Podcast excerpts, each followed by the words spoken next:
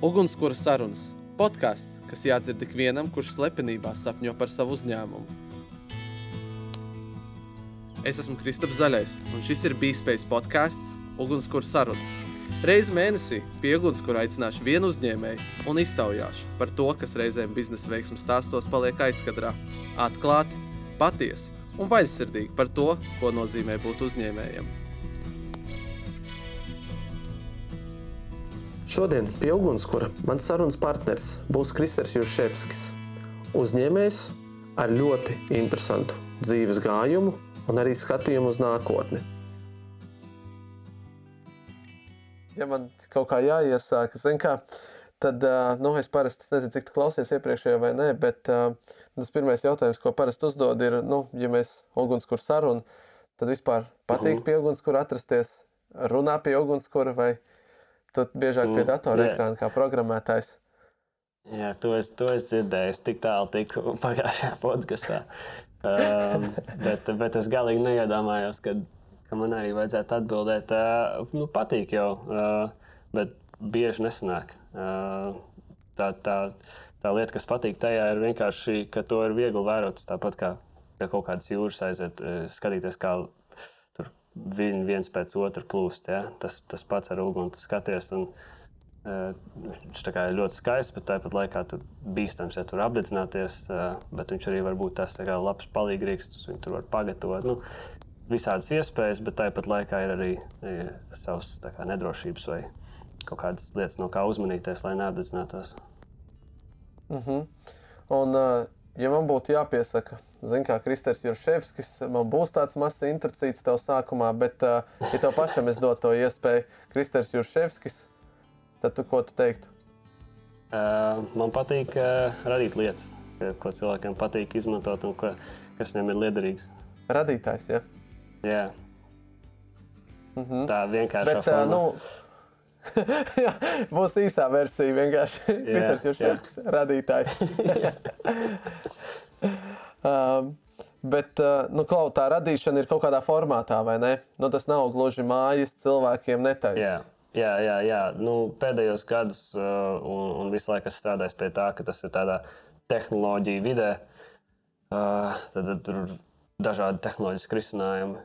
Bet, uh, jā, kas zina, tas var arī kaut kā aiziet citā industrijā vai kā. Bet nu, pēdējos desmit gadus tas ir, tas ir bijis tajos, tajās robežās tehnoloģiski produkti ja vēl tā kā konkrētāk, tad tieši jau mobilās lietotnes un, un, un mobilā pasaule, tā, kur ir vislielākā uh, specializācija, bet ir arī sanācis visādi web projekti un, un, un, un tur sāsi un tā tālāk.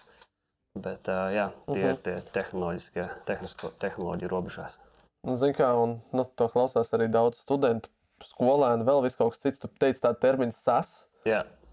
Var izskaidrot parastam mirstīgam? Parastam mirstīgam uh, tas ir vienkārši uh, programmatūra kā, kā pakalpojums. Un, un tas ir mums visur apkārt uh, tas pats, tas pats uh, kaut kāds zūms vai, vai cits lietotnes, ko mēs izmantojam. Liela daļa no tiem arī ir sasi. Un, un, un kāpēc tas ir svarīgi? Tāda kaut kāda terminoloģija tas ir svarīgi, kad kad iet jau tur runas par uh, visādām lietām, ko, ko mērīt un kā uzlabot savu biznesu un, un tā tālāk. Tā kā vienkārši parastam lietotājam tas nav svarīgi, vai tas ir sas, vai tas ir pas, vai vienalga. Ja. Bet uh, tas -huh. ir mhm. svarīgi tajā brīdī, ja tu pats esi tās platformas radītājs vai kaut kāda risinājuma radītājs. Tad ir, ir jau gan teorija, gan kaut kāda labi veidi, kā tu vari pieiet jautājumiem, lai būtu tās optimizētas lietas, uh, sakot līdz lietām un uzlabot un radīt. Mm -hmm. Un, zini, kā nu, tu saki, ka tu desmit gadus jau tur nodarbojies. Nu, šajā sfērā viens varbūt, nu, tu vari pateikt, ja tu nekautrējies klausītājiem, cik tad ir tavs vecums, tas ir pirmkārt. Un otrkārt, ja mēs runājam par kaut kādiem tādiem dzīves trīs svarīgākiem pieturas punktiem, nu, kas teikt, ir bijuši būtiski tev tur, kur tu esi tagad, jā. tev izveidojis. Jā, jā, jā. Nu, šajā pašā mēnesī, aprīlī, kad mēs ierakstām podkāstu, pirms, pirms pāris nedēļām palika 25 super, super skaitlis, ceturdaļa no gadsimta. Un, un, un tā, tāda bija tie visi apsveikumi, uzsvers uz to, ka tas ir ceturdaļa no gadsimta, tāpēc man tas palicis prātā.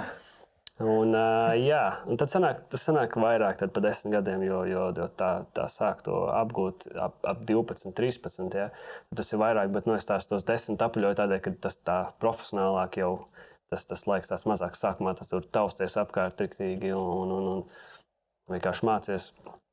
Un, un pēc tam tas jau aiziet. Jo mazāk mācies, vairāk dari un tā vienkārši uzkrāja pieredzi. Un, un par tiem trīs punktiem, nu, pirmais noteikti būtu tas tas brīdis, kad es sāku to apgūt pats. Tā bija, tā bija vasara, ja nemaldos, 2009. gada vasara. Kad uh, paralēli tur visam, ko tu dari, kad tu atpūties no skolas, tur kaut kādas uh, uh, skate ar draugiem, vai spēlē bumbu, vai skraida apkārt. Uh, kaut kā sanāca uziet prezentācijai, Steve Jobs prezentācijai, kur viņš stāstīja, ka izstrādātājiem ir, ir pieeja viņa platformai, ka var radīt jebko uz, uz, uz mobilām lietotnēm vai makiem. Un, un tajā brīdī es tur nezināju daudz, bet man vienkārši aizķēra tas, kā viņš prezentēja. Un tā doma, ka, ja man ir ideja, es to varu realizēt, uzrakstot kodu. Un, un, un man bija laikam tajā brīdī tik daudz idejas iekšā galvā, ko es varētu darīt, kad, kad tas likās, uh, likās lieliska iespēja. Un, un, un es pamazām sāku apgūt, kā tad, kā tad reāli kaut ko dabūt uz tās savas ierīces.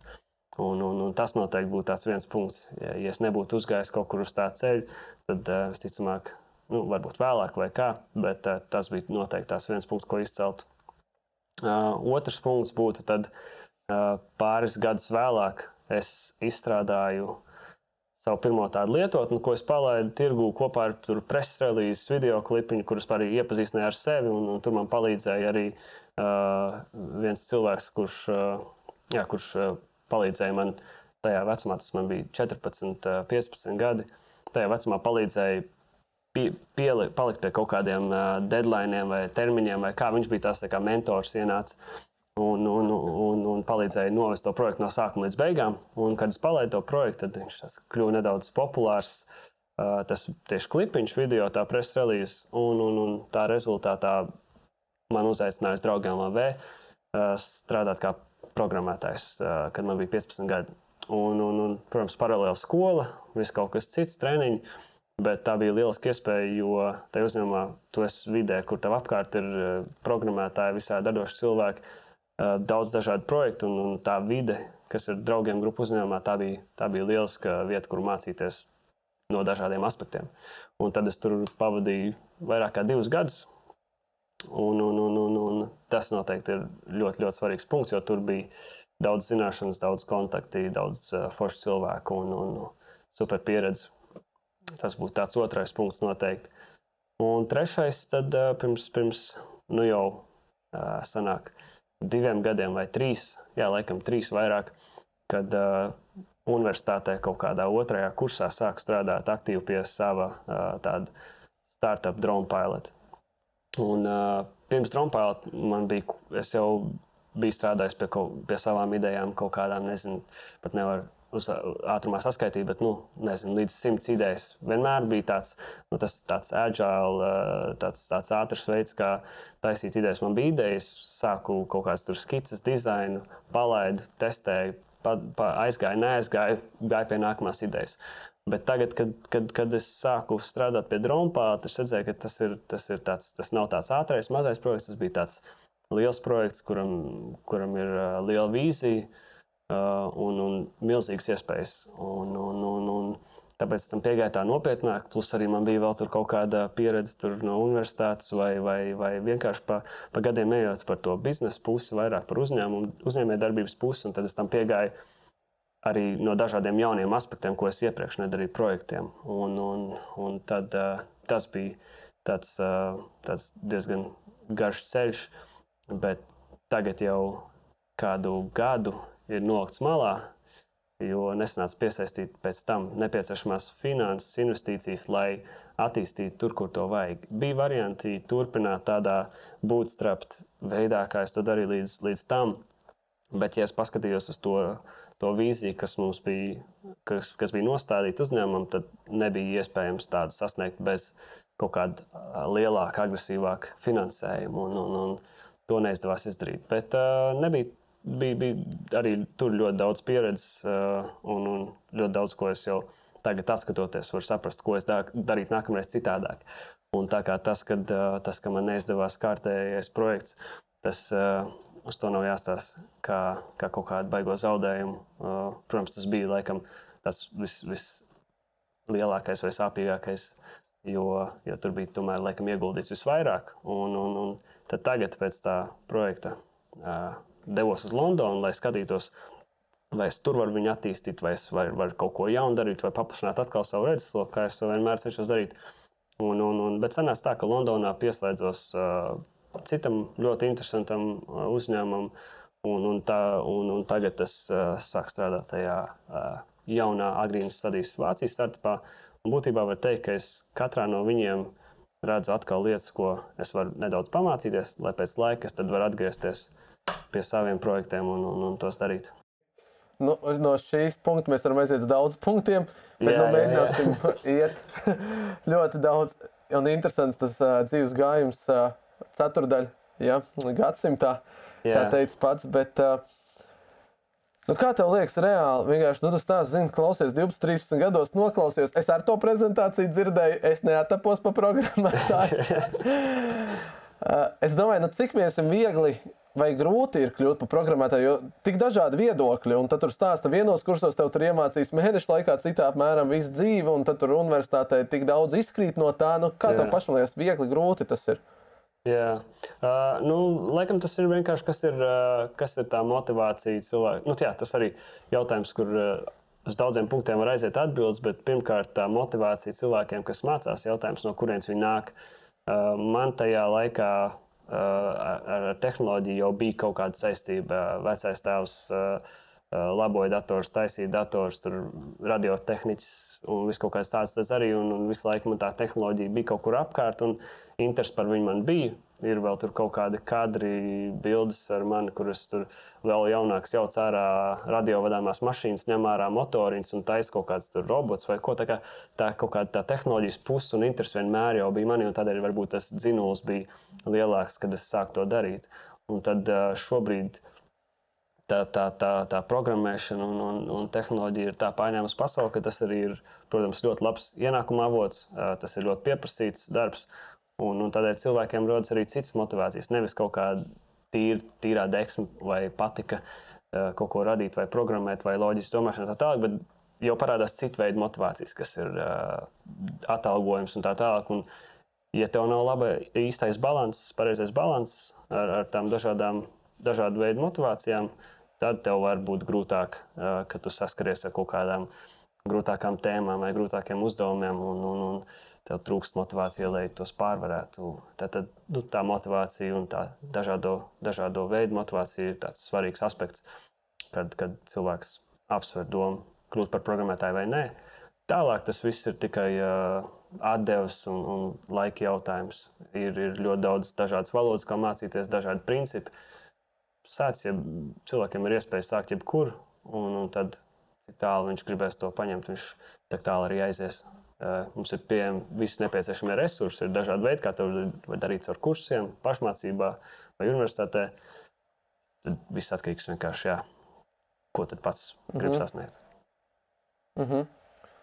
Nu, un deksme es pazaudēju, neesmu pazaudējis vēl lielāk. Ir vienkārši runāja, kā nu, tāda svarīga vārda deksme. Yeah. Un, zin, kā kāds saka, desmit gadi nozarē. Yeah, yeah.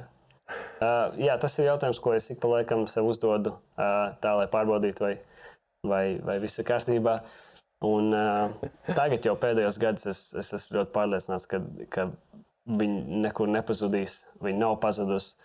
Agrāk bija uh, nedaudz tādas uh, šaubas, jo uh, paskatoties apkārt uz cilvēkiem vai, vai vienkārši uz, uz kaut kādām, uh, jā, uz citiem cilvēkiem, paskatoties apkārt, sākās tās domas, vai tiešām iespējams, ka es tik agrā vecumā jau atradu to, ko es darīšu visu savu mūžu, kas man tā patīk vai man noveicās, vai man liekas, ka tas ir tas.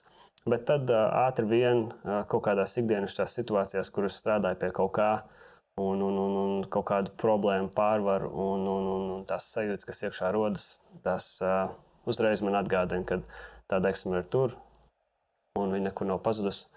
Un, un ikdienas vai citreiz kaut kāda perioda ir, kad tāds nav, bet tā, tā sajūta ik pa laikam parādās un atgādina man, kad, ka, ka es daru uh, to, kas man būtu jādara.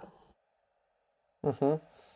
Un, zini, kā, nu, tad pats arī pieminēja, 15 gados sāk strādāt draugiem, nosauc tevi par ģēniju, vai ne? Var hm. noteikti iemest viegli googlēt to atrast. Yeah. Nu, ir zvaigznīte 15 gados noķerta, ka tev nosauc par ģēniju un sāk strādāt draugiem LV. Vai tu esi tāds cilvēks, kam tas nepiemīt? Nē, nē, nē. es, ne, es uh, nevaru uz sitienu atcerēties latviešu vārdu, bet uh, tāds, tāds vārds humble. Uh, tas man ir. Uh, Tas man ir bijis vienmēr, laikam. Un, un, jā, tas pat tie, tie izteicieni, man liekas, kaut kādā ziņā atstāja varbūt uh, negatīvu iespaidu, ko es uh, atskatoties pēdējos gados. Piemēram, tagad pēc drona pilota, uh, tāds tā kā jau var teikt, neveiksmes vai, vai iepauzēšanas, tas ļoti daudz laika veltīju sev uh, arī mentālajai veselībai un, un, un, un visādas kaut kādas refleksijas un atskatīšanās. Un man kāds uh, zvana, tas iztraucēja, bet to izgāzīs. Kā parasti. um, jā, es uh, veltīju laiku refleksijām uh, un kādām pārdomām un, un, un, un sapratu, ka varbūt tas ir uzlicis vēl kaut kāds tur papildus spiediens nevajadzīgs uz mani kaut kā performēt vai sasniegt kaut ko līdz konkrētam vecumam. Jā, man liekas, ka man bija ļoti liels spiediens, ka, nu, ja es tik ātri sāku, tad kaut kad tagad nu, man vajadzētu būt visam. Un, un tur kaut kādam tur, ja, ko tur runā, ka nākamie Zuckerbergi vai, jā, vai viss kaut kas tāds. jā, jā. Bet jā, tur ir vairāk faktori, kas tomēr ir, ir jāņem vērā. Ir, un, un, lai, lai to spiedienu noņemtu. Tad ar to es arī strādāju. Es domāju, tas atstāja vairāk tādu negatīvi iespaidu uz mani, nevis kaut kādu pacēlājumu vai ko. mm -hmm. Bet, nu, abstrahējoties, gribētu būt Marks Zukenbergs? Uh, laikam, ka nē. Uh, tik tik, tik uh, lielai kaut kādai ietekmē savās rokās, es, es nezinu, vai, vai es būtu gatavs. Uh, un uh, arī tas ir jautājums, ko es sev uzdevu pirms gada, ko tad es gribu darīt. Man visu laiku likās, ka es vienmēr likās, ka es gribētu izveidot startup, kurš tur ir miljonu vai miljardu, miljardu, miljardu vērtībā, ļoti veiksmīgs un, un milzīgs. Un, un pēc drona pilota es sāku domāt, ka varbūt tomēr uh, man, man ir vienkārši gribās iet to tādu, ir tāds independent developer ceļš, kur tu esi viens pats. Tu, tu ik pa laikam saražo dažādus produktus un būtstrapo viņus varbūt bez komandas vai kā. Un, un individuāli tā uztaisi profitables vairākus income streams un komfortabli dzīvo, darot to, kas tev patīk. Un tam tas jautājums ir vēl joprojām aktuāls, jo man ik pa laikam mainās domas. Tagad, piemēram, kad es esmu atpakaļ uh, startup tādā dzīvē, vairāk ar, ar, ar šo Vācijas agrīnās studijas startup, tad man ir tāda jau tādas labas atmiņas no tā visa, un, un atkal tāda vēlme iet tajā startup pasaulē iekšā vairāk un, un mēģināt būvēt kaut ko lielu. Un, bet atkal citās dienās liekas, ka tas independent, independent development journeys, jeb tā saucamie indie hacker, uh, ka tas arī ir ļoti pievilcīgs man. Un tad, tad tas no, no dienām mainās, un tad es viņus abus neizslēdzu. Un, un, un, un kā laiks rādīs, tā arī būs. Bet atbildot uz tavu jautājumu, laikam Zakenbergs negribētu būt. Ne. Ir kāds, kurš tu gribētu būt, nu, ja mēs tā vārdu uzvārdu, nu, tādā ziņā, protams, nu, varbūt ir atbildi, nē, un tas viss ir ok. Es vienkārši domāju, nu, vai ir kāds tāds piemērs, nu, kas tev liekas, ka jā, šis ir kaut kas, kā es gribētu, nu, nezinu, vai tas ir indīgi hackers vai kaut kas tāds. Uh, Laikam, vieglāk būs atbildēt, nē. Man ir tā, ka ir kaut kādi daudz, jā, tādi cilvēki, no kā var iedvesmoties, kaut ko paņemt vai kā, bet tāds, tāds viens nav. Un, un tad tur pieminēt, ka tur kaut kāds desmit, un ka no katra kaut kāds gabaliņš, tad tas būs pārāk sarežģīti. Tad īsa atbilde būtu nē. Vienkārši cenšos skatos uz to, ko pašam gribās, un tad, tad var iedvesmoties no citiem vienkārši. Labi, lai tev pamocītu atpakaļ pie tā jautājuma. Vienkārši pats teica, ka negrib, lai moka, tāpēc jāpamoka. Uh, bet uh, nu tad uh, trīs cilvēki, ko tu vakariņās gribētu aiziet? Mm. Vakariņās. Um, nu, Ilons Masks noteikti. Uh, var klausīties viņa podkāstu. Tad jau ir gandrīz sajūta, ka tu esi ar viņu vakariņās. Bet, uh, ja, ja būtu vēl iespēja ar viņu vienā telpā būt un, un kaut ko padiskutēt, vai vienkārši pat parunāt, Tas noteikti būtu ļoti interesanti. Uh, ļoti vēlētos ar Steve Jobs kas, kas vairs nav iespējams, bet agrāk tā bija uh, liela vēlme. Bet uh, satiku vismaz uh, Timu Kuku pirms pāris gadiem Kalifornijā. Tas varbūt jau gandrīz skaitās. Uh, un, un, un trešais, uh, trešais cilvēks. Um, trešais cilvēks tad varētu būt kaut kāds, lai būtu interesantāk no, no cita kalibra, varbūt. Um, lai iet Donalds Trumps. Būs pamatojums. pamatojums. Uh, vienkārši ļoti, ļoti daudz sasniedzis un, un ļoti daudz ko sastrādājis, gan labi, gan slikti. Un, bet viņam ir arī pietiekami daudz uh, tādi insights, kas, kas varētu nākt ārā tādā vakariņu sarunu laikā, kas noteikti būtu interesanti. Un kādēļ gan nesatikt jaunus cilvēkus vienkārši. Jā. Un, ja mēs vēl bijām pie terminoloģijas, būtstrapot, Jā. var iztolkot. Būtstrapot vienkārši, ka tu ar, ar, ar saviem līdzekļiem, saviem resursiem, vienalga tas ir tavs laiks, vai tie ir tavi iekrājumi, vai, vai kas tas ir, tu būvē produktu un, un, un attīsti produktu. Jā, ļoti vienkārši. Uh -huh. Un tad vēl atgriežoties tik daudz, kur es tiešām saku, var aiziet ar tevi kopā runājot. Uh, bet uh, Tims Kuks, nu, teica, ķeksis izpildīts. Saprotu, nu, tad saruna, nu, tādā ziņā, nu, nav Steve's Jobs, bet, nu, attiecīgi, teiks tā cienījama persona. Jā. Es tā domāju, jebkuram no mums, vēl tagad atceros, kā es gulēju gultā, un tam atsūtīju bildi, un es bišķi apsēdos. ja tā drīkst izteikties, bet, uh, nu, Kāds bija kāds cilvēks, vai kaut ko ieguvis sev, vai nu, arī sajūta, ka tu vari tikt līdz turienei, vai nu, no šīs pieredzes? Jā, uh, nu, ļoti, ļoti aizņemts cilvēks. Un, un tas, uh, tā satikšanās nebija tādas, varbūt, vakariņu formācijā. Tas bija meetups, kur bija izvēlēta grupa ar cilvēkiem, kas bijām.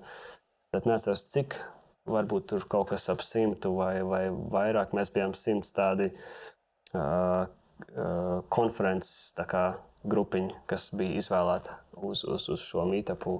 Uh, konference ir Apple ikgadējā izstrādātāja konference, Worldwide Developers Conference uh, 16. gadā.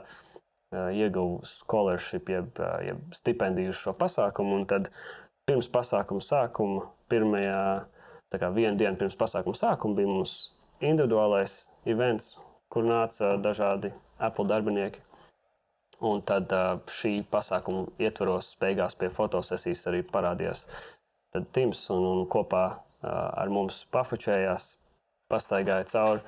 Un, un, un, un, jā, tā bija tāda pieredze, kas tajā brīdī likās, kad, ka viss ir normāli, bet tā, kad tas beidzās, tad, tev, tad tikai es sapratu un apjēdzu, ko tad, ko tad tikko izdevās satikt. Ja?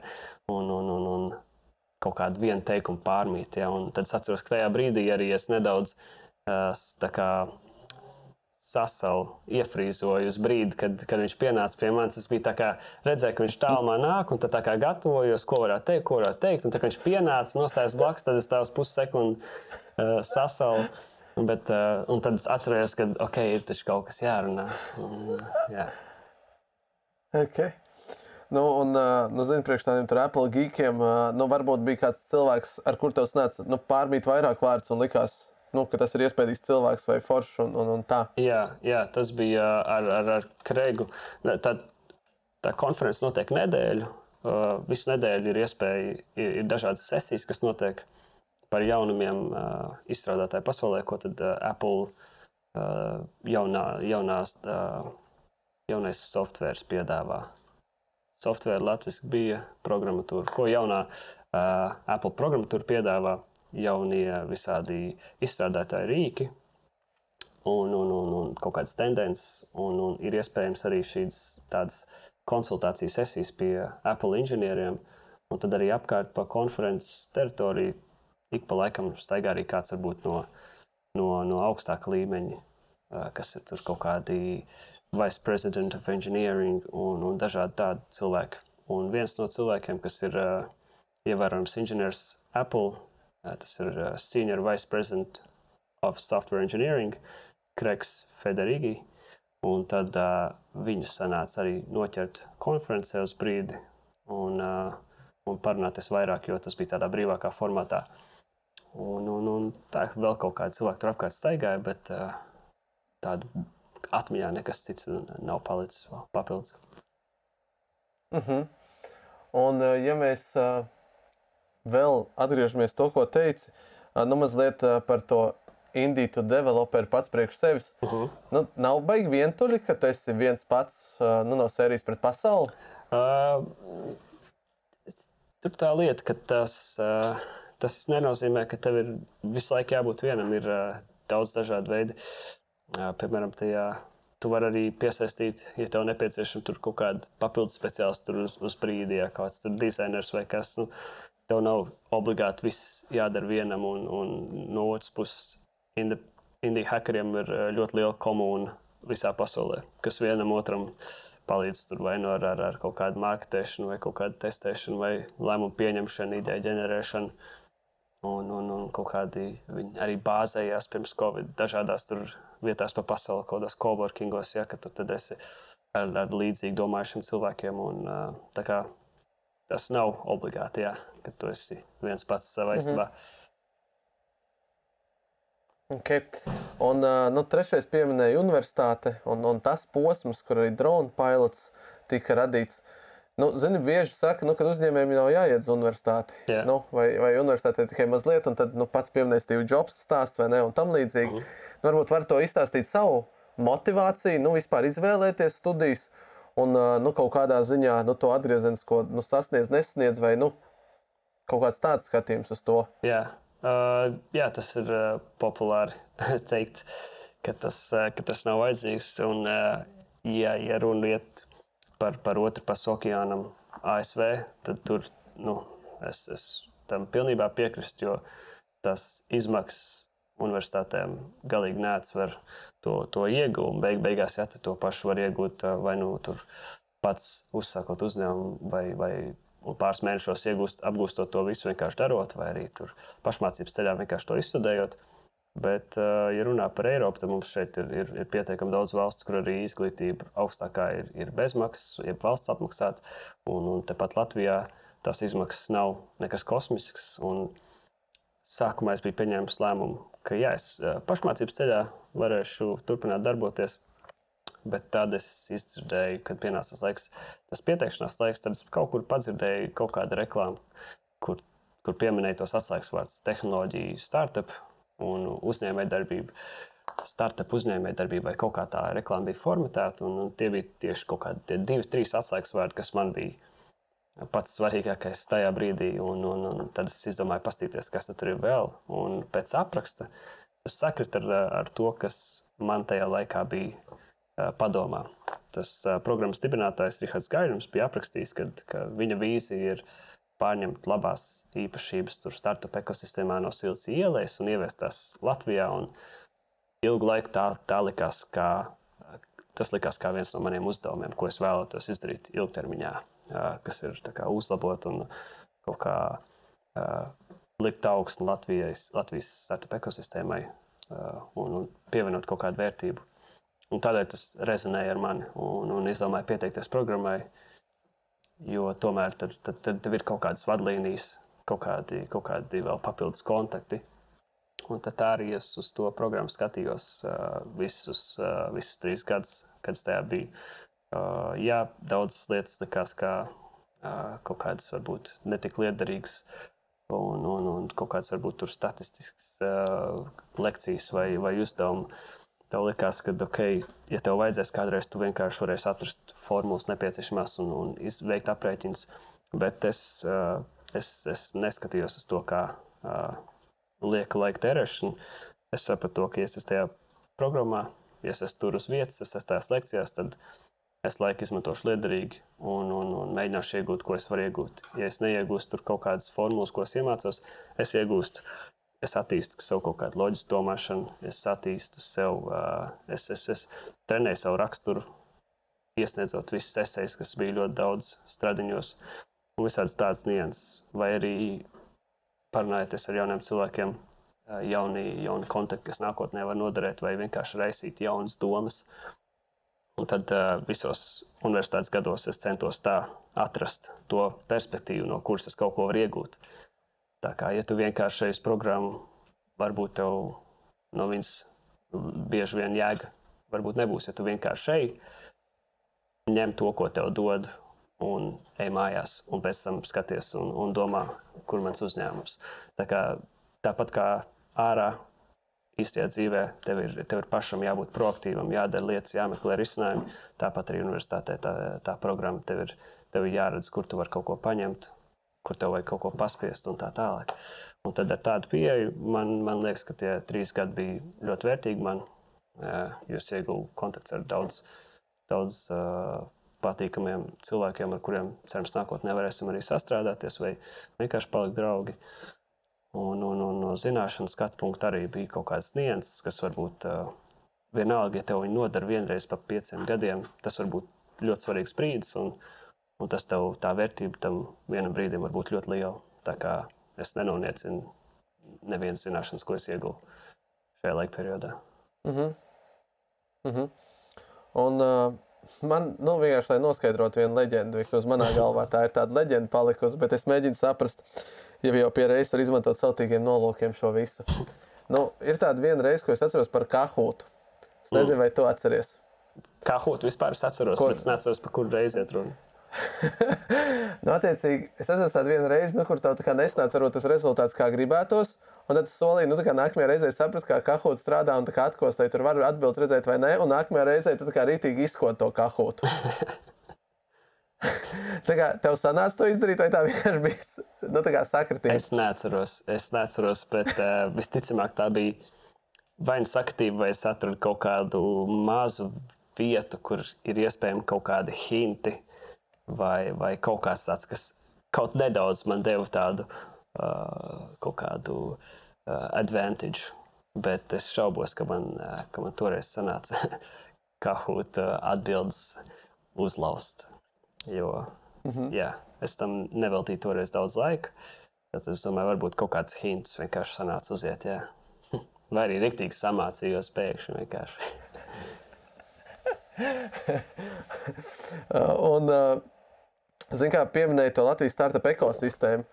Nu, desmit gadi, tieši netieši, no tālienes, no tuvienes redzēta. Nu, tā, protams, īsumā, nu, kā tad ir Latvijas startup ekosistēma? Uh, nu, ekosistēma, es atceros, bija universitāte arī, man liekas, pat kursu darbu rakstīja par ekosistēmu un, un, un veidiem, kā to uzlabot. Es zinu, ka tas sastāv no ļoti daudz mainīgajiem, bet es varbūt fokusēšos uz, uz vienu šobrīd, kas ir ļoti svarīgs, kas ir uh, talants, jeb, jeb darbspēks, jeb cilvēku. Un, uh, es gribētu domāt, ka Latvijā ir ļoti daudz, ļoti daudz talantīgu cilvēku tieši kas ir eh, ļoti radoši un, un, un, un, un tehnoloģiski arī attīstīti. Un tas ir ļoti spēcīgs aspekts ekosistēmā. Eh, mēs neesam daudz, bet, eh, bet vispār kopumā es to izceltu Latvijā. Pārējie aspekti no ekosistēmas vienmēr ir kur pielikt, bet ir ļoti daudz kas pozitīvs noticis pēdējos gados tā pati startup valde, starting, kas, vai valde, vai kā, kas tā bija asociācija, kas izveidojās, lai, kas tieši strādā pie tā, lai attīstītu tādu tā no likumdošanas puses un, un kaut kādas jaunu uzņēmumu atbalsta puses. Viņi cieši strādā lai, tieši pie likuma projektiem, kas iznāca pēdējos gados par, par atbalstu jaunu uzņēmumiem. Tā tādas pozitīvas lietas arī notiek, un, un, un, un ir ļoti daudz arī jau parādās tāda. Tā kā, Nu, es, net, es pateicu ļoti daudz, bet nu, nav ļoti daudz. bet uh, vismaz sāk lēnām parādīties arī kaut kādi stāsti publiskāki par, par investīciju piesaisti. Jo līdz šim visur, kur notiek kaut kāda investīcija piesaisti vai, vai tie pāris exiti, kas bijis Latvijā, uh, visi no viņiem ir uh, slēgti. Ja ir palaists tikai preses relīze ar kaut kādiem izvēlētām daļām ar informācijas, kas tiek publicēta. Un saprotams, tas, ka uh, daudz, daudz no tās informācijas nevar izpaust bieži vien uh, konkrēti līguma dēļ, līguma punktu dēļ, bet tāpat, man, manuprāt, tā ir lieta, ko, uz kuru vajadzētu fokusēties. Varbūt ekosistēmas dalībniekiem pašiem, kas ir šie startupi. Ja, ja tev ir startups un tev ir bijis veiksmīga investīcija piesaist vai, vai šis exits, tad, tad mēģināt maksimāli iepludināt to, to informāciju, to insight, to, to, to, ko tu zini citiem ekosistēmām. Un, jā, man liekas, pie tās investīcijas tas ir tas punkts, ir ļoti, ļoti jāvēro mums šeit. Jo, ja mēs paskatāmies tepat uz Baltiju, vien, tad Lietuva un Igaunija ir, ir ļoti, ļoti, ļoti, ļoti mums priekšā. Un tā ir tāda fundamentāla lieta, bez kuras mums, mums nebūs iespējama veiksmīgi un daudz startup, ar, ar, ar kur izaug. Jo tas viss sāks pa lielam ar kapitālu un kapitāla piesaist. Mm -hmm. Un, uh, kā tev liekas, kas ir tās svarīgās īpašības cilvēkam nu, vai uzņēmējam? nu, potenciālam uzņēmējam, kurš grib izveidot to savu jaunu uzņēmumu, nu, kas viņam ir jāpiemīt. Mm. Jo, nu, zini, noklausies, liekas, baigs stilīgi, tur forši. Jā. Jā, man ir mainījusies atbildi uz šo jautājumu pa gadiem. Es atceros, pirms, pirms kāda laika es tur saucu tās standarta lietas, ko sauc, kas ir tur jābūt raksturam, lai, lai, tev, lai tu varētu uh, izdarīt lietas, kas ir jāizdara, lai tu neslinkot un, un, un, un uh, ir jābūt, uh, jāsaprot sevi ļoti labi, lai tu zinātu, kas ir tavs stiprās puses, kas ir tavs vājās puses. Tad jāapzinās sevi. Bet tas, ko es šobrīd gribētu teikt, ir tas, ka ir jābūt uh, emocionāli inteliģentam cilvēkam, un, un, un, vai arī jāstrādā pie tā, lai kļūtu emocionāli inteliģentāks. Jo tas tev dod ļoti daudz, uh, tas tev dod izpratni par citiem, izpratni par sevi. Un, un ar, tādām, ar, tād, ar tādu īpašību tu vari gan, gan motivēt cilvēkus, būt labs līderis, pats labi strādāt ar sevi, tikt galā dažādās situācijās. Tas ir tāds, no tā izriet ļoti daudz lietas. Tādēļ es to noteikti uzsvērtu. Un, tas sajiet kopā arī ar to, ko es šobrīd daru Vācijas jaunu uzņēmumā. Tad, tad mēs strādājam pie, pie rīka, kas ļauj cilvēkiem attīstīt savu emocionālo inteligenci. Mm -hmm. Un, aha, un tas, laikam, saskan to, kāpēc arī LinkedIn profilā rakstīts Working on Emotional Intelligence. Jā, tieši tā. Okay. Bet, ja mēs padomājam tālāk, nu, kas ir tie soļi, jo nu, tas noteikti EI, nu, saucamā emocionālā inteligence, nu, nav termins, kas ir tikko parādījies. Yeah. Un, un, un kas ir varbūt tie pirmie soļi, ko ieteikt cilvēkam, nu, kurš, jo nu, arī tu šeit runā par tādiem foršiem vārdiem, kas tiešām man arī rezonē ar mani kā humble, un es arī esmu mēģinājis latviešu viņu iztulkot, un lai kā es iztulkotu precīzi, es nevaru viņu iztulkot viens uz viens. Tur runā par tādu kļūdīšanās kultūru, nu, kas ir progresa. Nu, ar ko tu sāc, lai to ceļu varbūt uzsāktu vai par to domātu? Jā, uh, lai, lai precizētu, runā par uh, uzņēmējdarbību vai emocionālo inteligenci. Nu, laikam vairāk par emocionālo inteligenci kā kopumu.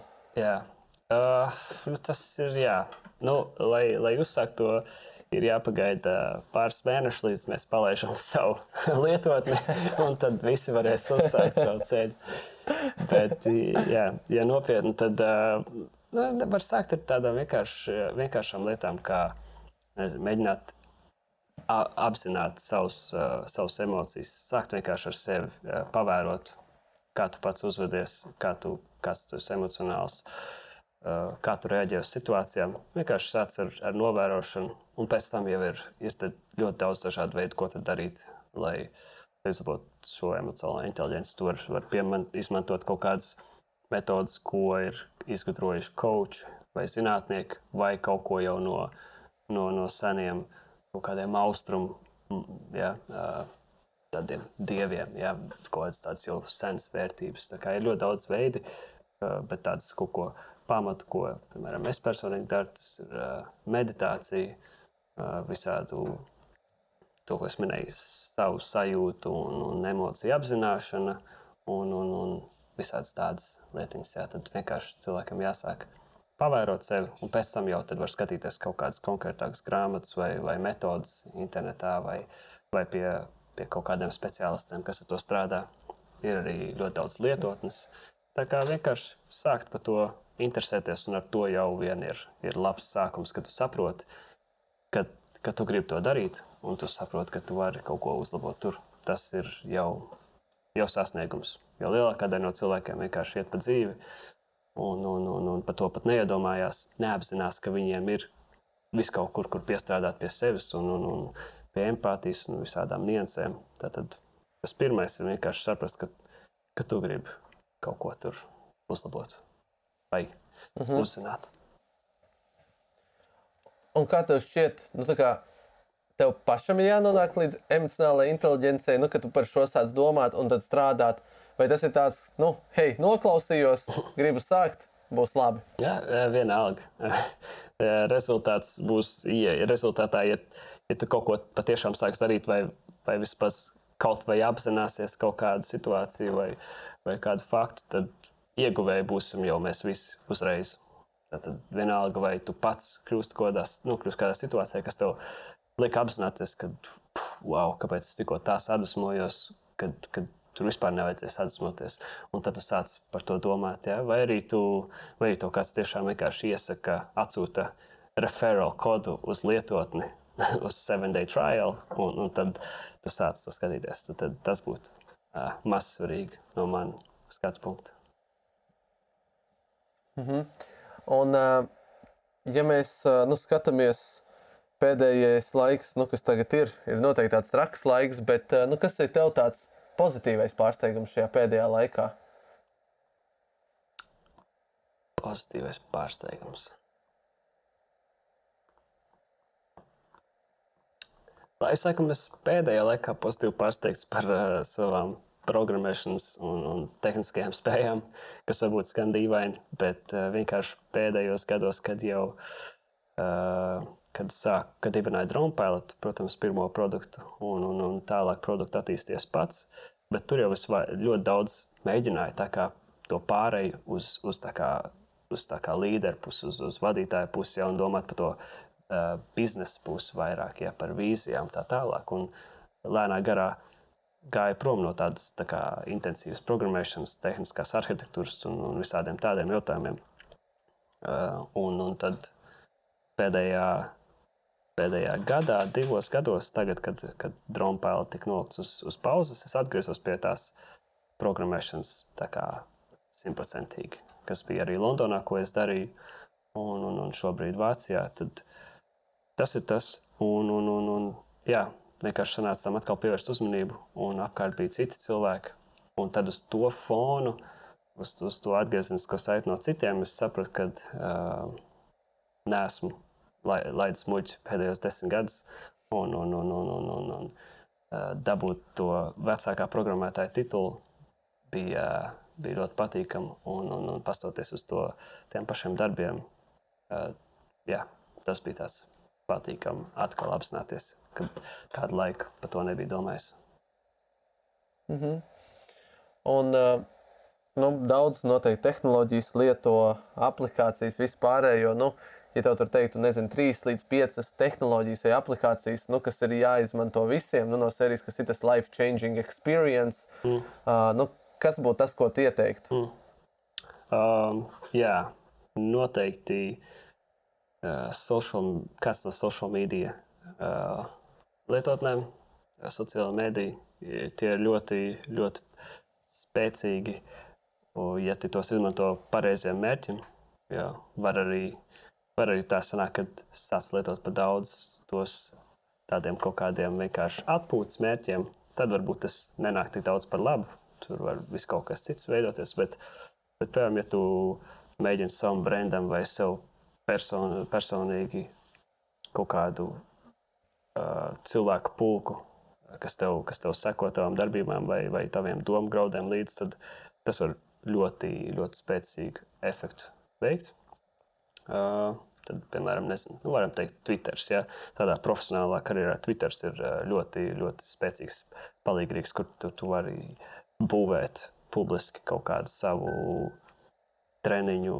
Es pateicu, treniņu.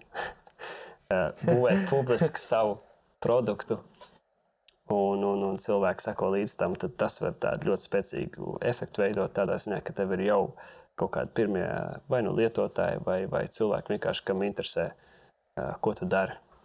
Tad tas būtu numur viens. Tālāk es, es teiktu, jebkura kaut kāda uh, meditācijas lietotni.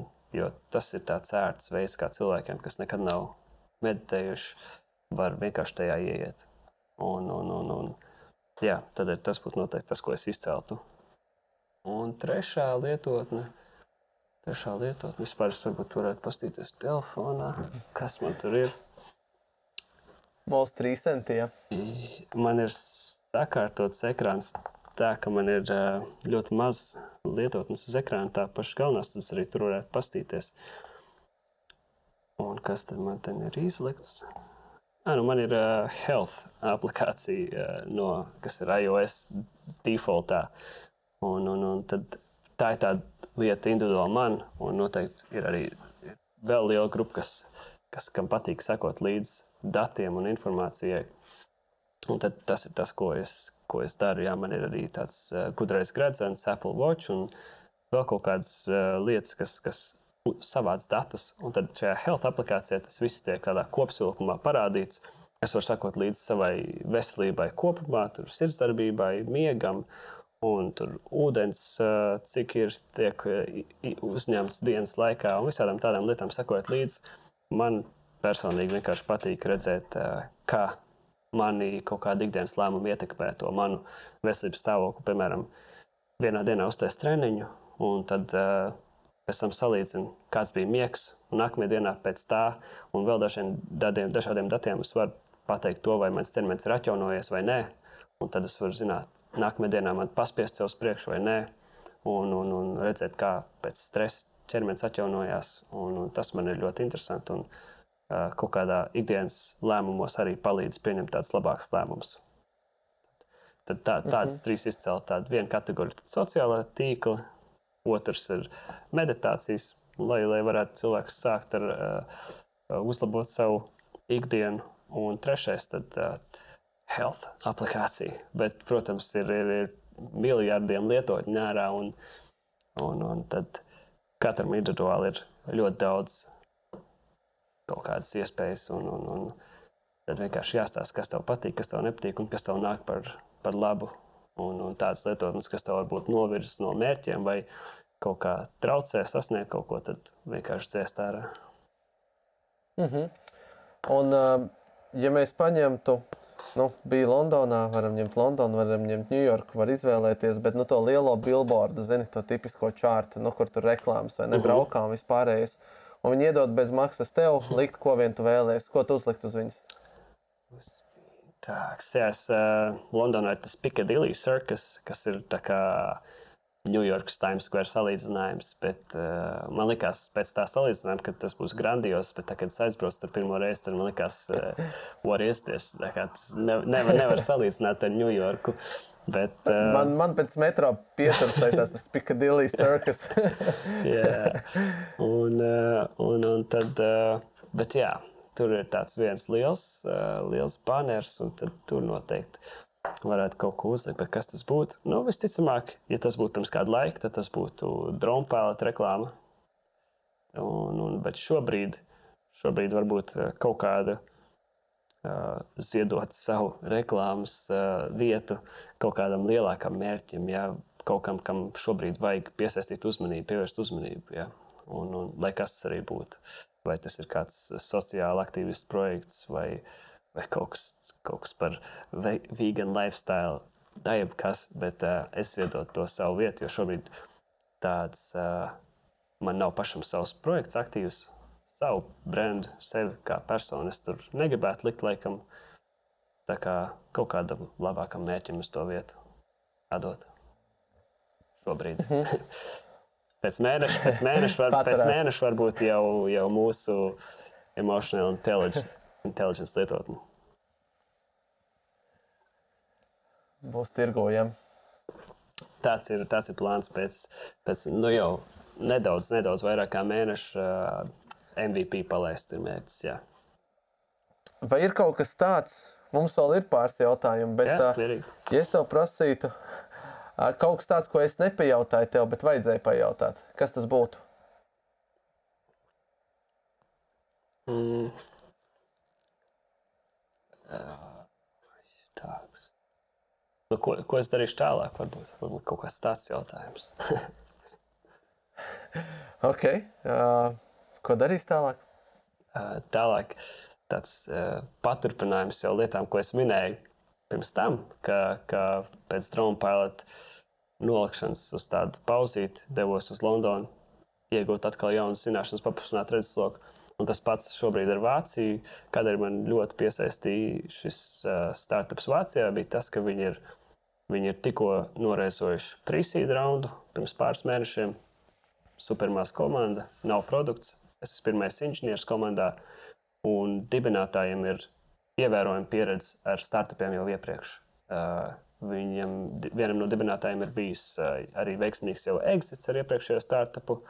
Viņš ir bijis arī viceprezidents lielākā uzņēmumā. Viņš ir uh, startup izveidojis no pieciem darbiniekiem līdz 400, pēc tam atkal uz 100. Failojis. Tā kā tāda raiba pieredze, un tas, kā es skatījos šo, uz šo iespēju, es redzēju ļoti daudz, ko, ka būs ļoti daudz iespējas, kuras arī varēšu iemācīties uh, un gūt pieredzi tieši kā attīstīt uzņēmumu tādā, tādā stadijā.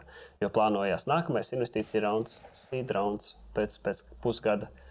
Centīšos būt tuvu tam procesam, skatīties, kā to dara Vācijā un, un tādā augstākā līmenī, un, un centīšos mācīties atkal no dažādiem aspektiem, nevis tikai no programmēšanas, bet arī no tā, kā tiek vadīts uzņēmums, kā tiek uh, pieaicināti darbinieki, visas tādas nianses.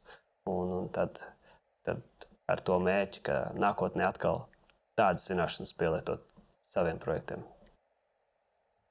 Mm -hmm. nu, un tad, eh, ja tu uzdevi uh, nākamajam sev, tad uh, vēl trešais, kur tu uh, maini lomas, tavs jautājums man. Mm. Uh, mans jautājums tev vajadzēs to sagatavot pirms tam. jo man ik pa laikam kaut kāda varbūt ir ienākuši prātā kopš, kopš studiju laikiem. Ja? Tāda interese, ko tad tu dari, kāda ir tava saistība ar, ar startup programmu stradiņos. Jā, kaut kāda, kaut kāda varbūt ieskatu, ieskatu varētu iedot mums. Kā, kāda tev vēl saistība ar startupiem? Vot tāds laikam būtu labs jautājums. Mm -hmm. Uh, programma vēl ir palikusi. Attiecīgi, mēs gan viņu integrējam, un uh, viņa, nu, kā jau daudz teica, kā pats startups arī programma aug. Yeah. Līdz ar to nākotnē, un uh, tā ir tā tad attiecīgi IPSE programma, kas ir tāda angļu programma International Business and Startup Entrepreneurship, mm. kur ir cieši integrēta mūsu inkubatorā, kuru mentorēju un vadu es. Attiecīgi, līdz ar to mēs esam, ja tu atceries, kad mēs daudz savā laikā runājam par to, nu, ka pietrūkst tas inkubators, kas ir uz vietas universitātē, yeah. kur tad ir iespēja taisīt to MVP vispārējo. Yeah. Tad reāli mums viņš tik, tikko ir palaists gaisā. Mums ir savs inkubators, kurā esmu tiešām daudz pielicis pirkstu, lai viņš būtu tāds, kāds viņš ir. Un, un tagad sanāk mentorēt pamatā, bet uh, es teiktu, tās ir tās divas pamatlietas, kur, kur vēl joprojām ikdienā. Nu, trešā, bet uh, ar visu to, ko daru, un tas paliek pavisam maz, ir bijis kaut kāda mentorēšana ārpus dažiem startupiem. Uh, pamatā veiksmīgākiem, nu, neveiksmīgākiem, nu, kā jau viss startupā. Yeah. Bet uh, nu, minimālā mentorēšanā tas, tas ir palicis. Uh -huh. Jā, super dzirdēt par, uh, par inkubatoru. Un noteikti, ka kaut kur ir arī informācija par to, bet īsumā, kas ir tas atbalsts, ko sniedz šis inkubators? Jā, nu es teiktu, ja tu izmantoji to terminu prīsīts, nu, attiecīgi tādas agrīnas fāzes, nu, man liekas, mēs tiem agrīnas fāzes teiksim, tā jauniešiem mēģinam iestāstīt, ielikt viņus rāmī, nu kas tad ir tas tālākais, ko tu vari darīt. Tas fantastiskais mērķis ir tik līdz tam MVP, jeb mazākam lietojuma spējīgajam produktam, jeb vienkārši produkts, kas ir nu, tāds galīgi vēl, ja var teikt, nu, zaļais, zin kā tāds var teikt, ka zaļš uh -huh. produkts, bet ātri viņu piegādāt pie lietotāja.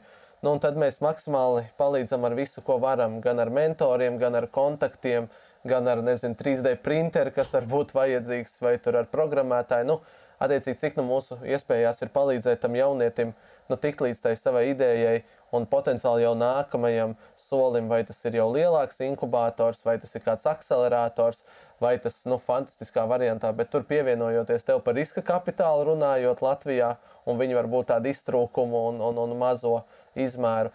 Tas būtu tas ideālais variants, bet nesot realistiskiem, nu, tas riska kapitāls Latvijā nu, ir ļoti, ļoti niecīgs. Tāpēc drīzāk tas ir vairāk sagatavot viņus tam nākamajam jau solim nopietnā inkubatorā vai akceleratorā startēt. Ne tikai Latvijas mērogā, pastamies tepat Somijā. Mm -hmm. Es domāju, mums ir ļoti atzīstami atbalsta mehānismi startupiem. Jā.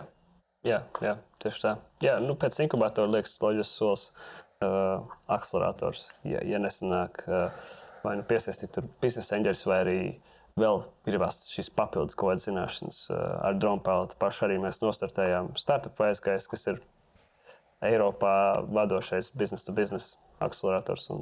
Arī ļoti, ļoti laba pieredze, bet super, super intensīva. Un, uh, tur arī ir lietas, ko es noteikti sev atzīmēju, kā, kā mācību stundas nākamajiem startupiem. Ja es izvēlēšos uh, arī startēt akceleratoru, tad noteikti vajadzīga komanda, lai tu varētu tādas ikdienas lietas un tās, tās produkta attīstības lietas nodot komandai un sev kā founderu laiku veltīt tam akcelēratoram.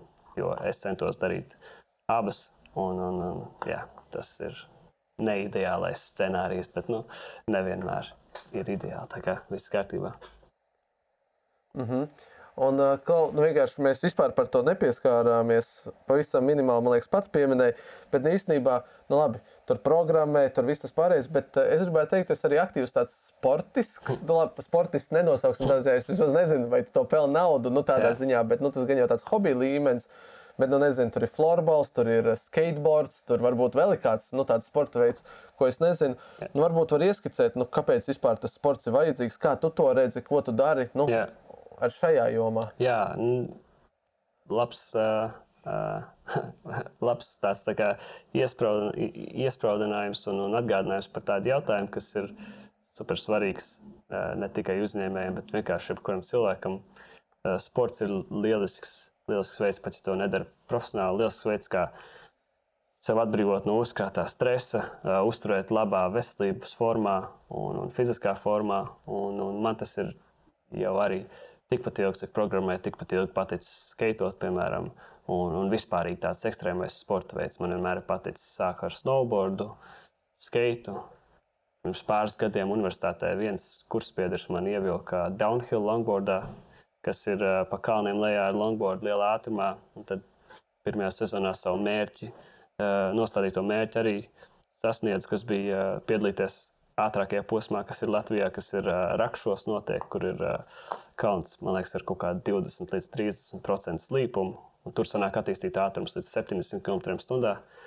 Uh, labi arī nokrašoja treniņu braucienā vienreiz. Un, un, un, tā kā, tāds sports veids ir ļoti interesants. Un, un, un, un, un papildus arī vienkārši kaut kādas uh, fiziskas aktivitātes ar, ar savu ķermeņa svaru. Man patīk darīt. Man nepatīk tik ļoti varbūt iet uz sporta zāli. Uh, pie spoguļa cilāt svarus. Man, man patīk uh, viss, kas ir ar, ar, ar ķermeņa svaru, tas, tas saucamais calisthenics. Un, un, un, un, un tad, jā, skaitot, ļoti, ļoti tāda laba sajūta. Ir, ja ir sanācis kāds brīdis, kad ilgāk, ilgāk laika neesmu bijis uz dēļ, un tad izbraucu ārā ielas, tad 90% no, no, no šī laika uz dēļ es smaidu vienmēr. Un tas ir tā dīvaini, dīvaini varbūt liekas, bet tas, vienkārši parāda to, cik, cik ļoti man tas patīk. Tajā brīdī es jūtos tā kā uz kāda surfa dēļ, kur tu vienkārši ķer vilni un, un, un, un kaifo. Tas tāds atbrīvots, ļoti radošs. Tur kaut kur lec kaut kam pāri, tur redz kaut kādu veidu, kā izbraukt. Tas tā, tā, tā, tāda laba atpūta un, un atslēgšanās.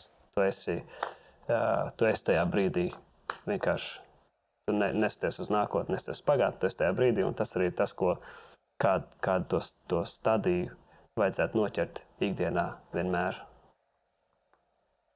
Mm -hmm.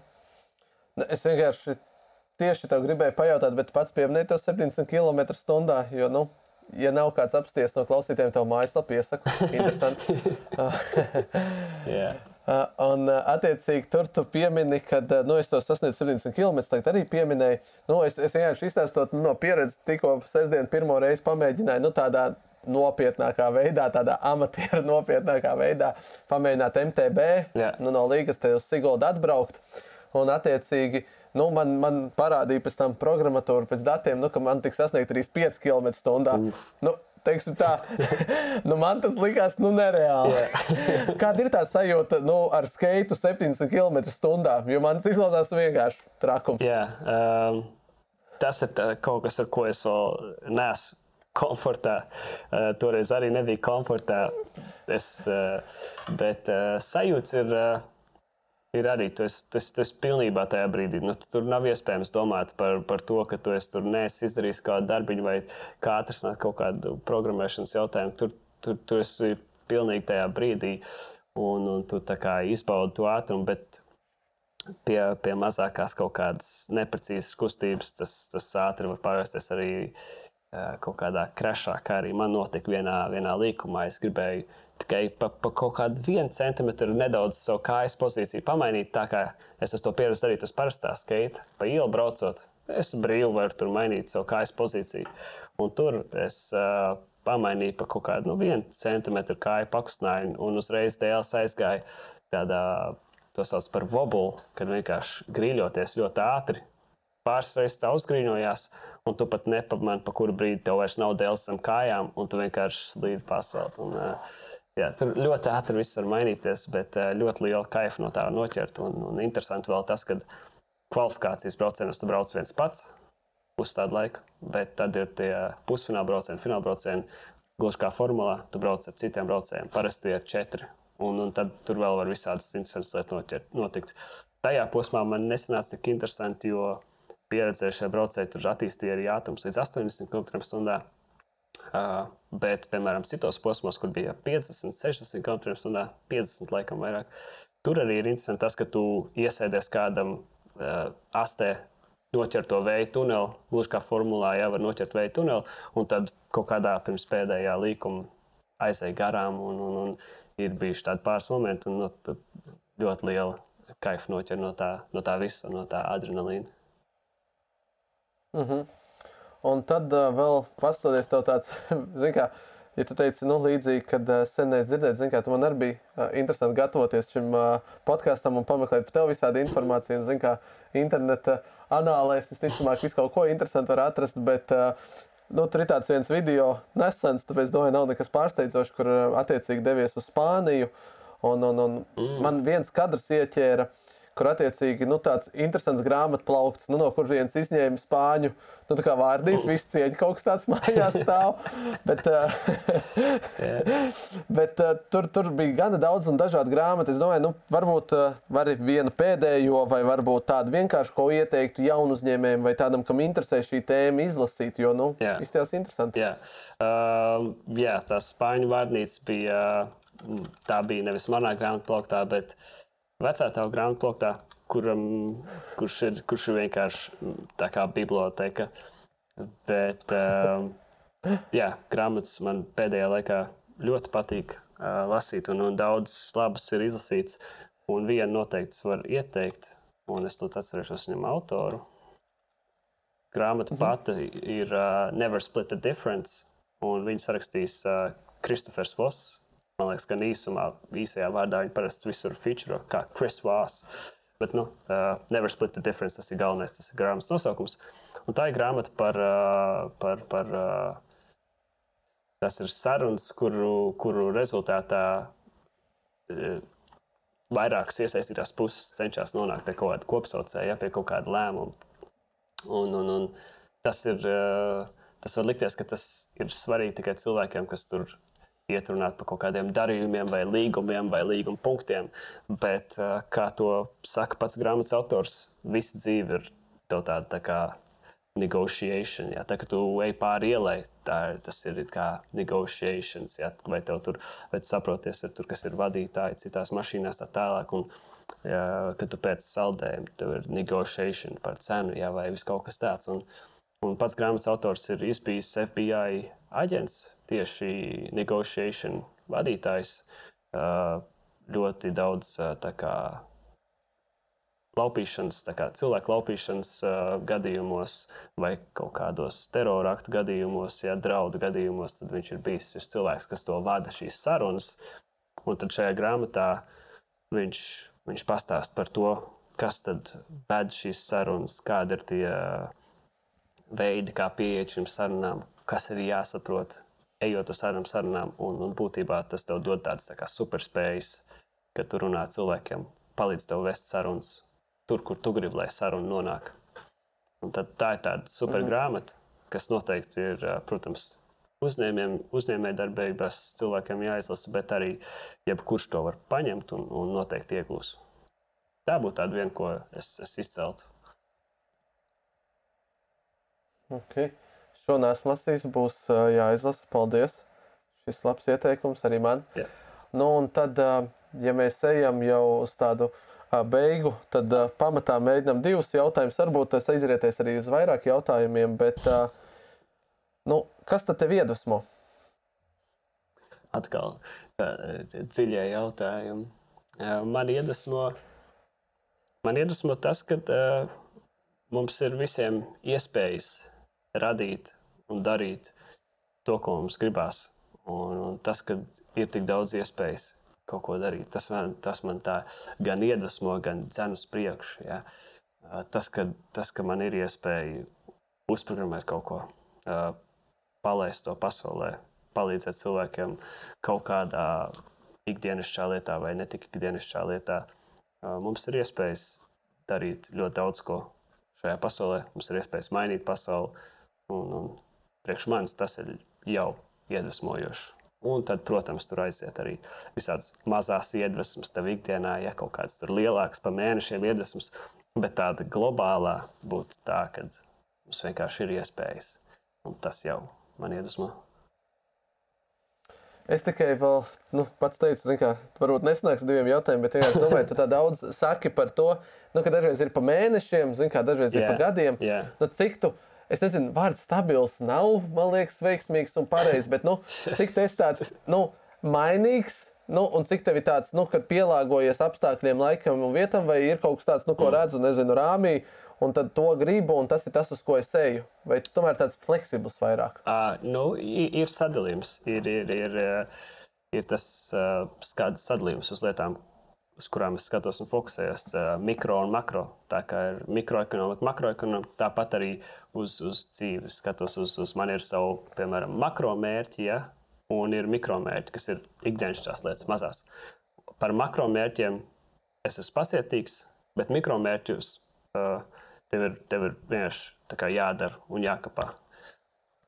Tā, tā es skatos lietām. In a macro, focused, patience un, un mikro, tu vienkārši kapā. un, un, Un, protams, um, ka uh, mikro mērķi un uzdevumi un lietas iziet no tā long term game, no tā makro. Un uh, tu teorētiski mazliet pats sev šo jautājumu uzdevi īstenībā, domājot par nākotni. Bet tad, uh, es tomēr gribētu teikt, ka tu viņu bišķiņ tādā īstermiņa, nu, īsākā skatījumā, bet ja mēs skatāmies un pieliekam vēl vienu vārdu par ievērības cienīgu, cienīgu kaut ko, ko grib paveikt, jo, nu, 16 gados nekad no mums pa ģēniju nosauc un uh, nepieņem draugos un uh, neuzliek Marka Zukenberga zīmogu, kas ir kaut kādā ziņā loģiski, ko tu teici, nu, paša galvā, citu galvā. Nu, kas ir tas, ko tu gribi ievērības cienīgi nākotnē paveikt? Jā, uh, labs jautājums arī. Jā. Un tad ir tad man iekšējās uh, puses tagad dalās, ko lai atbild, vai atbild kaut kāda tāda filozofiskāka lieta vai konkrētāka. Es domāju, ka es esmu pietiekami daudz kaut kādas tādas uh, vispārīgas un, un, un dziļākas uh, lietas atbildēs, jo tagad var atkal kaut kāda tāda konkrētāka. Tad es varu teikt, uh, uh, startup, uz, u- izveidot startup, kurš apgroz 100 miljonus gadā. Tas būtu tāds viens mērķis. Nu, ko? Tad eh, jānovēl, lai tev izdodas. Es domāju, ka mums Latvijā tādu startupu baigi daudz nav. Jā, būs, būs daudz. Sāksim, sāksim ā, klausīties visi podkastus un lasīt grāmatas vairāk. Un, un kopā attīstīsim to ekosistēmu un, un, un mēģināsim noķert īgaunus. Un, un būs mums arī savi uh, vienradži. Bet, uh, zināmā mērā, es bieži, nu, labi, jāatzīst, laikam, zin, kā, ne ļoti bieži, bet dažreiz nu, man patīk sadarēt par lietām un uh, nu, kaut kādā ziņā. Uh, Ziniet, kā, ja man būtu jāliek likme uz to uh, vienradzi, nu, es tā kā laikam liktu tevi. Mm. Vispārīgi, jā. Tāpēc, nu, man likme arī iet uz tevi. Atkal spiediens. jā, nē, protams, protams tāda, tā ir arī noteikti viena no vēlmēm, ja tur piemetina klāt ja, tiem kaut kādiem makromērķiem, bet tas nebūtu tāds tā kā kaut kāds North Star, kurš tad, uh, nu, stājas priekšā kaut kādām lietām. Ja. Tas ir tāds, tāds, tāds labs mērķis, bet tas nevajag arī tā vienkārši akli uz, uz to iet. Bet, uh, jā, diezgan, diezgan foršs laiks, jo mums pēc maniem, pēc kā ko es esmu novērojis, man liekas, ka mums drīzumā būs pirmais vienredzes. Un, un tas, tai, tas mums iedos tādu lielu būstu ekosistēmai noteikti. Tāpat kā tas bija ar, ar Skype Igaunijai. Cerams, ka mums sāks parādīties vairāk eņģeļu investori un, un, un visā. Jā. Pilnīgi, pilnīgi tev piekrītu par vienradžu trūkumu un vajadzību ļoti pēc tā, kā ēst, kā saka. Bet, Klau, tu man pats uzvedināji to. Es tev, kā tik viegli neatlaidīšu, laikam. Nu, klausies, varbūt ir kaut kas, vienkārši tur runāja nu, par kaut kādām derībām un spiedienu. Mm -hmm. Es vienkārši domāju, nu, vai ir kaut kas, ko mēs ar tevi varam sadarīt? Pirmkārt, kur kā, mēs nepiekrītam viens otram, un attiecīgi, nu, kas ir kaut kādā laika nu, izmērāms.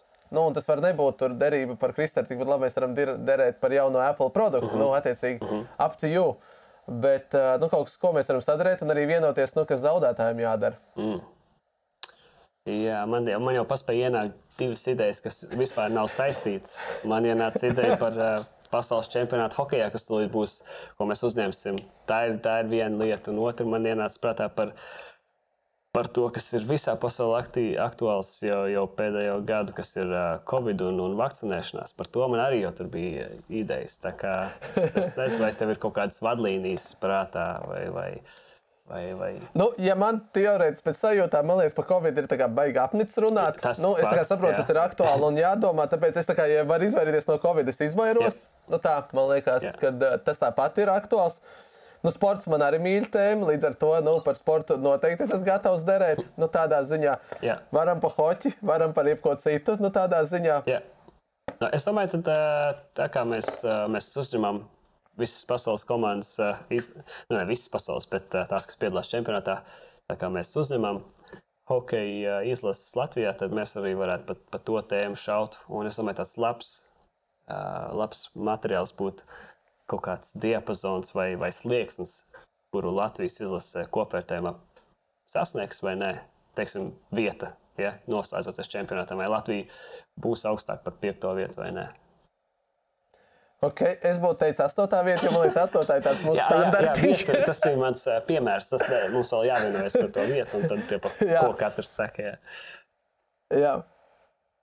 Nē, nu mēs tā kā uz ciparu vai amplitūdu? Uz ciparu, man liekas. Okay. Un tad ir, nu, vienkārši šis ir labs mums jāno, jo, kā mēs, man liekas, tādā abi esam diezgan, kuriem patīk derēt. Tādā ziņā, nu, konkurēt vai sacensties, nu, joks mīlot, bet. Uh, yeah Attiecīgi, mēs vai nu cipars, vai nu basta, vai nu tas, kurš ir tuvākais. Varētu, varētu tad tas, kurš ir tuvākais, jo tur tad, tad būtu interesantāk. Jā, piekrītu. Okay. Nu, tev priekšrokā kāds iemiņam teorētiski pie manas ugunskura. Jā, nu, es, es gribu būt optimistisks. Es teiktu, uh, septītā vieta. Ok, uh, zini, kā, nu, man negribās tev nu, tik ātri noņemt to iespēju, jo tad tev ir nu, viens līdz septiņi. Es vienkārši teicu, ka astoņi pirms tam, bet tad es teiktu, nu, lai nav tik, es teiktu, devītā. Mm. Nu, es ceru, nu, es ceru tad... ka varbūt kaut kāds brīnums tur notiek. Un... Un, un, un, un mēs esam vēl tuvāk. Bet, jā, es, es, es tā liekas, pēc sajūtām, septītā. Ok, tad man ir, nu tad mēs vienojamies, ka teorētiski man ir viss līdz deviņi. Yep. Un tad, un aiz. Un tad tev ir aiz arī jā, astoņi jā. man vēl ir, vai tev? Un tev ir septiņi līdz viens, jā? Man ir viens līdz septiņi, un tev ir uh, septiņi līdz. Ok, ok. Bet labi, tev pats arī jāies, ko mēs sadarām. Jā, tas ir, uh, tas ir svarīgi diezgan, jā. ļoti, ļoti. jo nu, man bija bailes no tevis un ekstrēmā sporta tādā ziņā, bet. Uh, mm. Jo man vienkārši liekas, man vienkārši bailes, nu, cik tu esi ekstrēms tādā ziņā, jo es zinu, ka tu esi krietni ekstrēmāks par mani. Jo es kaut kā biju ienaudājis, bet nu, tu, es tādā ziņā šauju nezināmajā. Mm. Nu, tā. Bet man bija iedomājies, piemēram, nu, uzkāpt uz to skate nu, kaut ko pamēģināt. Mm. Attiecīgi, tas būtu nu, tā kā man izaicinājums. Yeah. Attiecīgi, nu, kas ir kaut kas tāds, ko es nekad neesmu globāli darījis. Un, tā. Uh -huh. un tad nu, es vienkārši pieminēju pirms tam, bet es, es nezinu, es nevaru es darīšu. Bet nu, tad es saku, nu, tagad uh, otrādi uz rīču, un es esmu pilnīgs amatieris tādā ziņā. Mm. Bet nu, tas ir viens variants, ko mēs varam šaut, ja vienkārši mēs par to runājam. Yeah. Bet tikpat labi mēs varam šaut, nu, bet tas ir kaut kāda, nu, kas man liekas, tu daudz runāji un saka arī rezonē ar mani par tām pieredzēm.